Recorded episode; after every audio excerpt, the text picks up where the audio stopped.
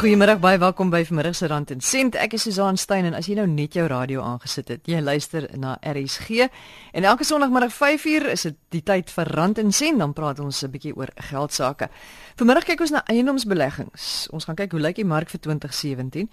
Watter eiendomme is die beste vir beleggings? En waar is hierdie plekke geleë? Maar dit nou in die tweede helfte van ons program, want eers het ons 'n saak wat ons luisteraars nogal warm onder die kraag het. Lenet Willemse is 'n senior belastingkonsultant by Mazars en ons hoop Lenet dat jy uh, die saak vir ons 'n bietjie gaan belig en hopelik vir ons goeie nuus kan gee. Nou in die begroting vir jaar het die minister van finansies aangekondig dat daar heel moontlik vir jaar 'n verhoging gaan wees in die algemene brandstof en padongelukke fonds belasting. So jy gaan BTW betaal op brandstof wat jy weekliks of maandeliks of wanneer ook al ingooi. Nou ons betaal reeds vanaf 1 Maart 39 sent per liter meer vir ons brandstof. Dis 30 sent vir die brandstof en dan 9 sent per liter op die padongelukke fonds deel van ons brandstof. Lennard, miskien net gou-gou hierdie heffing, wat is dit nou want dit het nou niks te doen met die BTW nie. Hierdie is nie 'n nuwe heffing nie. Dit is 'n bestaande heffing wat maar net elke keer aangepas word jaar tot jaar. Waaroor daar wel onsekerheid is is dat die minister um, van finansies genoem het dat tesorie oorweeg dit om die nulkoers BTW hantering van brandstofverkope te skrap en brandstofverkope onderhewig te stel aan jou standaard 14% BTW. En van wanneer af sal dit nou gebeur indien dit gebeur? Op hierdie stadium nog geen sekerheid nie. Sou so iets ooit te voorskyn kom, sal dit heel waarskynlik eers in die volgende um, belastingjaar wees wat in 2018 dan sal wees. Maar twyfel bestaan ten opsigte van wanneer is die inwerkingstrede datum van so iets. Wat mense ook natuurlik moet in ag neem, hierdie voorstelle moet nou eers ter tafel gelê word um, Junie Julie maand waar hulle dan konsep belastingwetgewing sal uitbring. Daai wetgewing word dan um, beskikbaar gestel aan die publiek. Allerhande belanghebbendes, mense dan 'n vensterperiode waarin jy kan kommentaar lewer. Uh, mense kan hulle misnote kenne gee of hulle argumente voer. En wat dan gebeur is tesorie neem al daardie kommentaar in ag en dan gewoonlik Oktober, November dan sal hulle daardie wetgewing sou hulle voortgaan daarmee weer ter tafel stel in in die vorm van konsepwetgewing wat dan gewoonlik Desember Januarie maand goedgekeur word deur die parlement en dan wet word. En as genoeg mense klaar is ek en jy en al ons vriende en al die ander luisteraars nou gaan 'n brief skryf en sê nee, ons is daar teen, beteken dit dat hulle dan sal luister. Ek dink daar's definitief vanuit 'n verbruikersoogpunt uit sal daar definitief gehoor gegee word as daar 'n sterk verenigde front is teen teen dit en jy moet natuurlik onthou dat hierdie idee om BTW te hê vir brandstof gaan almal raak. Armes, rykes maak nie saak nie. Besighede, individue maak nie saak nie. So jy gaan sien dat jou unies soos Kusatu sal definitief kapsie maak daarteen want daar's al reeds sprake gewees dat die algemene BTW koers van 14% verhoog kan word en dit gaan absolute opstand tot gevolg hê veral vanaf jou werkersklas en jou laer inkomste groep. So op die stadium dis dalk 'n idee wat tesorie het, maar ek dink hulle gaan baie teenkanting kry daarteen. Wil jy nie net gou asseblief die verskil verduidelik tussen nulkoers en standaardkoers nie? So sake tans staan, brandstofverkope is onderhewig aan BTW maar teen 0% wat ons noem die nulkoers. So wanneer jy jou tank volmaak by 'n vulstasie, is daar BTW op maar teen 0%. So in effek is daar nie BTW op nie. Goed. Sou dit egter verander, sou tesorie hulle sin kry, gaan jy nou 14% betaal op jou brandstofaankope. Nou die onsekerheid wat daar ook bestaan is waarop gaan jy die 14% betaal? Onthou die brandstofprys bestaan uit verskeie komponente. Jy het 'n internasionale komponent wat die algemene Brent oliepryse is wat deur die OPEC lande saam uh, vasgestel word en wat afhang van jou wisselkoersverskille, vraag en aanbod en dan jy 'n plaaslike komponent, naamlik jou algemene brandstofheffing, jou padongelukke fonds, jou kleinhandelmarge, jou groothandelmarge. So wanneer hulle dan wil 14% hef op die BTW prys, waarop wil hulle dit hef? Hulle dit hef op die internasionale komponent, wil dit hef op die plaaslike komponent, wil hulle dit hef op die hele brandstofprys? En dit kan dit kan definitief 'n baie negatiewe uitwerking hê afhangende van hoe hulle dit wil hê. wat mens ook in ag moet neem is dat indien jy dan sou brandstof aankoop, gaan jou sak geraak word afhangende van die doel waarvoor jy jou brandstof aankoop en ook wat jy as persoon of besigheid of groep doen om 'n inkomste te genereer. Met ander woorde, dit gaan die verbruiker geweldig baie raak. Nie net wanneer ek my motor gaan volmaak by die vulstasie en meer gaan betaal, 14% meer gaan betaal nie, maar kospryse en allerlei ander goed gaan opgaan. Sonder twyfel. Die verkoop van sekere goedere en die lewering van sekere dienste is op hierdie stadium onderhewig aan nulkoers. So dit beteken daar's geen BTW opgehef nie. Goedere soos breinbrood, uh, melk, eiers ensovoorts. Brandstofverkope is ook natuurlik nulkoers op hierdie stadium. Sou hulle nou 14% op brandstof hef, wat beteken dit vir die algemene persoon daar buitekant? Ek gaan koop my melk en my brood elke oggend. Daai melk en brood moet van iewers afkom. Die winkelhandelaar gaan vervoerkoste betaal. Daai vervoerkoste gaan nou ewe skielik addisionele BTW in hê want die vervoermaatskappy gaan brandstof gebruik om daai lewering te maak. Ongeag gewone inflasie, gaan jy nou 'n BTW komponent hê wat ingefaktureer word by jou voedselprys plus nog jou normale inflasie. So al gebruik jy nie 'n voertuig nie, al koop jy nie brandstof nie, jou basiese goedere gaan duurder word. Is daar nog heffings wat dalk hierdie jaar op ons kan wag? Geen nuwe heffings waarvan ons bewus is nie. Die standaard heffings wat daar na natuurlik is is jou um, algemene brandstofheffing pad ongelukkige fonds. Dit is dies wat nou onlangs um, verhoog is, maar geen addisionele nuwe heffings waarvan ons nie op hierdie oomblik kennis het nie.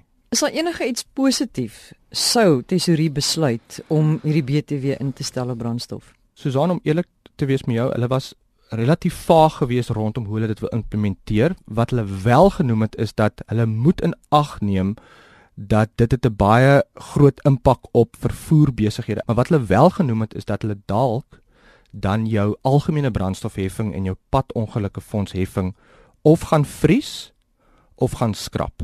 So hierdie 39 sent waarna ons verwys in die begin van die onderhoud mag moontlik in die toekoms dan wegval of hulle kan dit basies beperk tot 39 sent.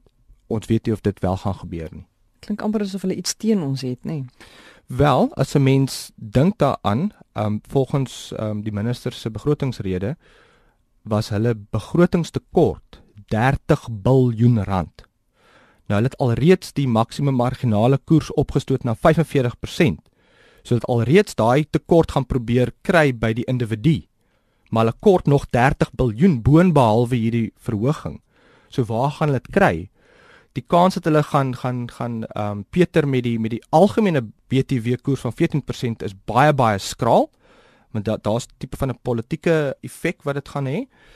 En natuurlik maatskappybelasting. Almal is baie skepties of dit verhoog gaan gaan word, want sou jy dit verhoog, gaan daar geen meer attraksie wees vir internasionale entiteite om Suid-Afrika te kom vestig nie, want dan is ons 'n redelike hoogbelaste land.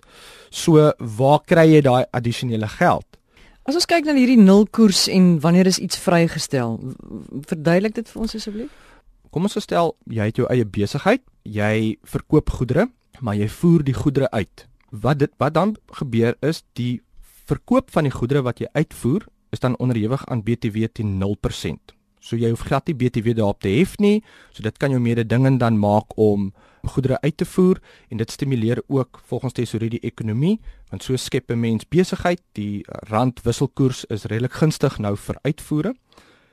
As jy so 'n tipe besigheid het beteken dit dat jou onkoste wat jy aangaan waarop jy BTW betaal het jy kan daardie BTW terugeis vanaf SARS as 'n inset so dit het 'n direkte kontantvloei effek so jy verkoop iets hef geen BTW jy gaan 'n onkoste aan maar jy kan die BTW terugeis. So dit help jou kontantvloei.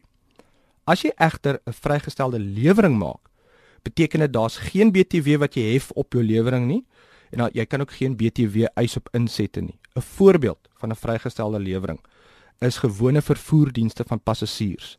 So jou busmaatskappye, jou Golden Arrow, jou Greyhound ensovoorts, enige vervoer per pad van passasiers wat betaal vir daardie vervoer is vrygestel van BTW. So enige onkoste wat 'n busmaatskappy sal aangaan waarop hulle BTW betaal het. Kom ons gestel hulle het hulle busse laat herstel en die persoon wat die herstelwerk gedoen het, hef BTW op sy diens. Hulle kan nie daai BTW eis nie.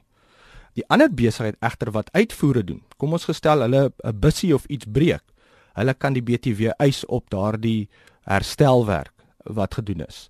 So dit het definitief 'n impak. So 'n persoon wat byvoorbeeld gebruik maak van 'n busdiens, op die stadium betaal daai persoon geen BTW op sy kaartjie nie. Goed.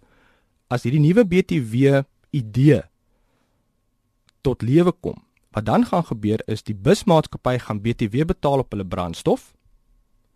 Hulle kan nie BTW hef op hulle kaartjie verkoop nie, so hulle winsmarge verlaag.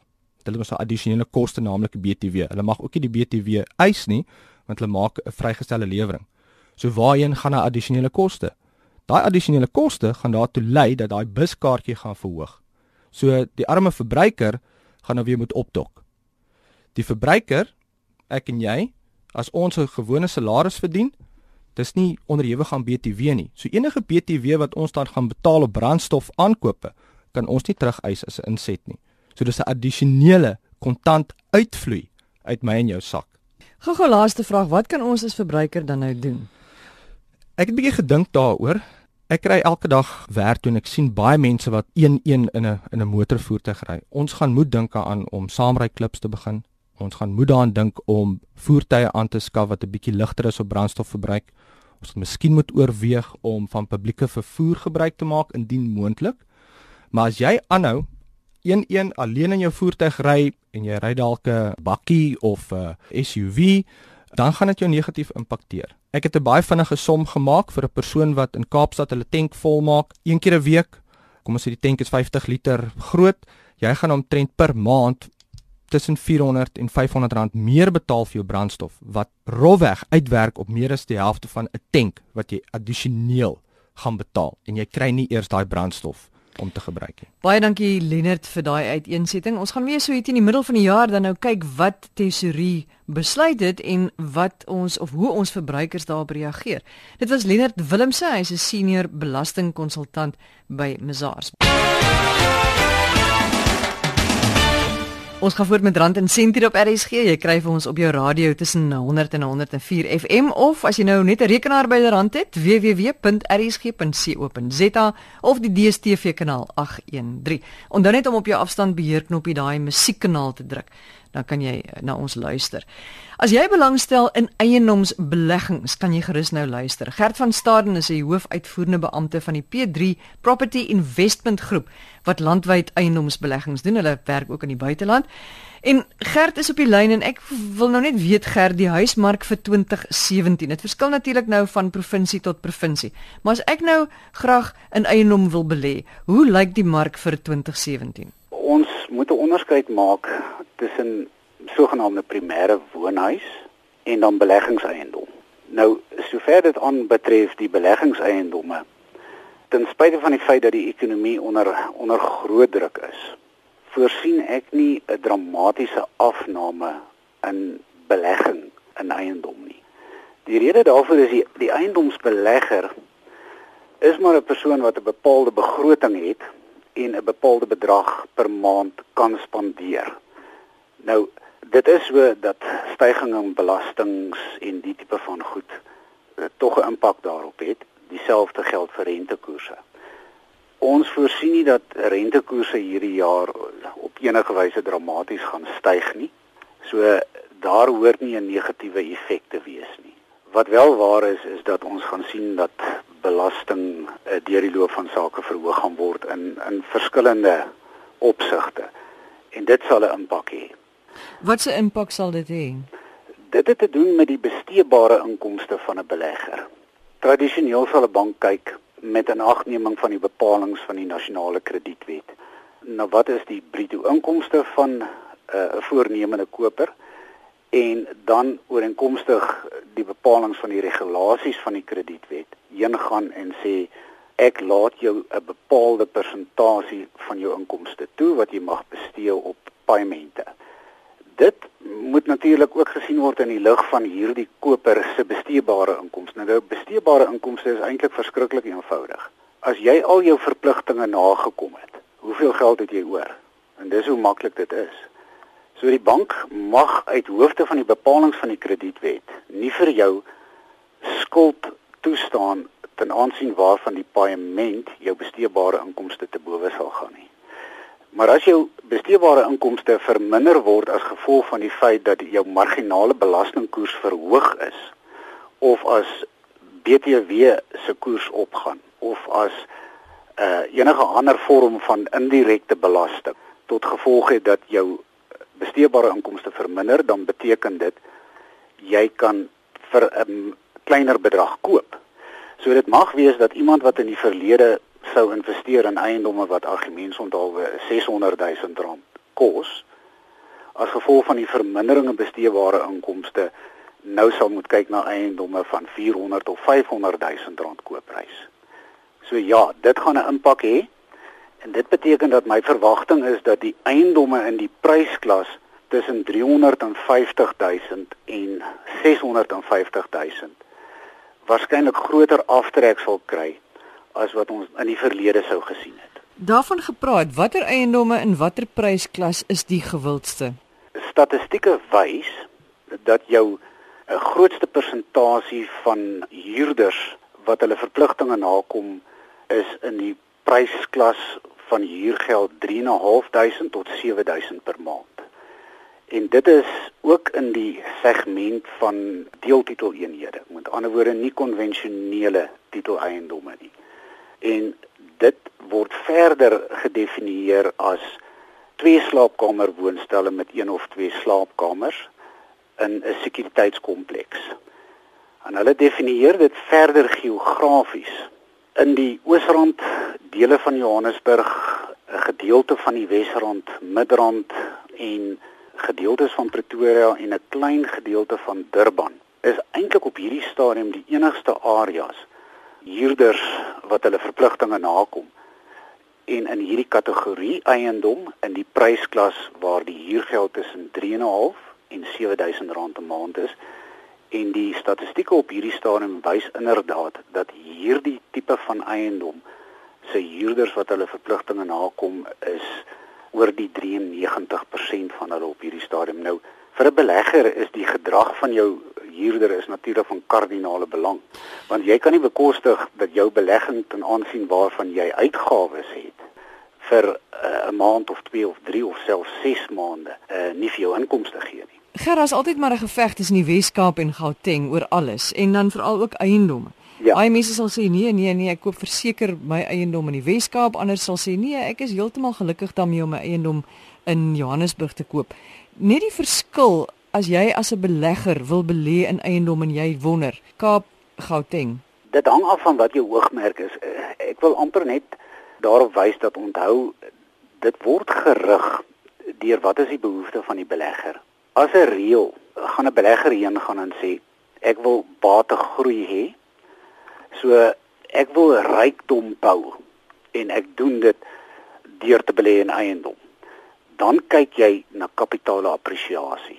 Maar die belegger wat sê ek wil nie net welvaart bou nie, ek wil ook my inkomste in die toekoms aanvul en ek wil seker maak dat my bate en my inkomste in die toekoms telkens inflasie klop en dit is van kardinale belang. Dan wil jy kyk na 'n gebalanseerde belegging. Ongelukkig is dit so dat in die Wes-Kaap kry jy in die regte areas bygesê kry jy uitstekende kapitaalappresiasie waar jy nie net inflasie klop met die groei van jou batewaarde nie maar dit ver oorskry. Maar ongelukkig is dit ook so dat die inkomste wat jy verdien uit daardie bate nie vergelyk eh, met die inkomste wat jy sou verdien uit dieselfde bate as hy argumentsonthaalwe aan die Oosrand geleë was nie jou uitgangspunt is, jy wil nie net hê dat jou kapitaal groei moet inflasie klop nie. Jy wil ook 'n voortdurende betroubare inkomste uit jou bate hê. En in die derde instansie is baie belangrik, jy wil hê dat die groei in inkomste wat jy uit hierdie bate verdien, dit moet ook telkens uh inflasie klop. So jy kan sien dis 'n gebalanseerde benadering. Maak die saak wat jou uitgangspunt as belegger is nie. Want jy kan nie net kyk na kapitale groei nie. Jy moet ook kyk na die inkomste wat jy gaan verdien en die groei van jou inkomste. So met ander woorde, jy gaan 'n duur eiendom in die Kaap koop en jou huur gaan nie noodwendig jou verband dek nie. Jy gaan 'n goedkoper eiendom koop in die noorde, maar jy die kans is groter dat jou huurinkomste wel jou verband-uitgawe gaan dek. Of baie naby daaraan kom. Dit word natuurlik dit word bepaal ook deur of jy 100% verband sou kry as jy sê nou maar hierdie eiendom sou finansier en of jy 'n deposito gaan betaal. Die uitgangspunt is natuurlik, kom ons gebruik die praktiese terme. As jy 'n eiendom in die Wes-Kaap sou koop en jy betaal vir hom 'n miljoen rand, dan is die kanse dat jy om en by R7000 per maand huurinkomste vir hom sal kry is redelik, maar as jy nou daardie persentasie uitwerk, dan sal jy sien dit is ongeveer 0.7 per maand in inkomste teenoor jou aankoopprys. In die Oosrand, Wesrand, Pretoria, kom ons noem dit nou maar die noorde, gaan jy dit baie maklik kry dat jy 'n eiendom koop vir 400 000 rand en dat jou bruto inkomste uit hierdie eiendom met ander woorde jou huurgeld 4200 rand 'n maand beloop. Dit het eenvoudig te doen met aanbod en aanvraag. As jy so daarna kyk Susan, jy weet dit gaan oor getalle. Die grootste persentasie van mense wat ekonomies aktief is in die land, vind jy maar hier in die noorde. En dit is om daardie rede wat ons nie in die landelike gebiede sal belê in eiendom nie. Hoe is beleggingsmoontlikhede in die landelike gebiede of plattelandse gebiede? En is dit enigstens ek weet daar was 'n tyd gewees wat mense gegaan het en hulle het eiendomme gekoop op klein dorpies. Is dit nog steeds so of het dit bietjie minder geraak? Ek moet vir jou eerlikwaar sê, ek beskou 'n belegging in 'n klein landelike gebied nie as 'n belegging nie ja, die koopprys is waarskynlik baie goed. Maar as gevolg van die tekort aan beskikbare huurders, beteken dit nommer 1 het jy 'n risiko met die verdien van inkomste dat jy nie noodwendig die eiendom gaan vul met 'n huurder nie. En in die tweede instansie is daar so min kompetisie dat jou huurgeld wat jy kan vra vir daardie eiendom nie naaste by kompeteer met die huurgeld wat jy kan vra vir dieselfde eiendom in die byvoorbeeld die Oosrand. Dieselfde geld sekerlik as jy 'n plek wil verkoop. Daar gaan seker nie rye en rye kopers staan wat gaan meeding om om dit by jou te koop nie. Dis ongelukkig die realiteit en jy's heeltemal reg want dan moet jy in gedagte hou ons het ook te doen met die konsep van ontvolking van die platteland. So ja, jy's reg waar jy vir dieselfde eiendom aan die Oosrand 20 voornemende kopers sal hê, gaan jy moontlik vir jare sukkel om dieselfde eiendom in 'n landelike gebied verkoop te kry. Gert baie dankie. Ek vind eiendomsbeleggings altyd baie opwindend en uh, ek is seker ons luisteraars kon goed baat vind by ons gesprek vanmiddag. Dit is Gert van Staden. Hy is die hoofuitvoerende beampte van die P3 Property Investment Groep. Dis die einde van ons program. Onthou die e-posadres, rand en sent se e-posadres is rsg@randencent@gmail.com. rsg@randencent@gmail.com www.rsg.com. Stuur vir my jou vrae, stuur jou voorstelle, ons praat graag daaroor. Van my Susan Stein baie dankie vir die saamluister en geniet 'n wonderlike week. Totsiens.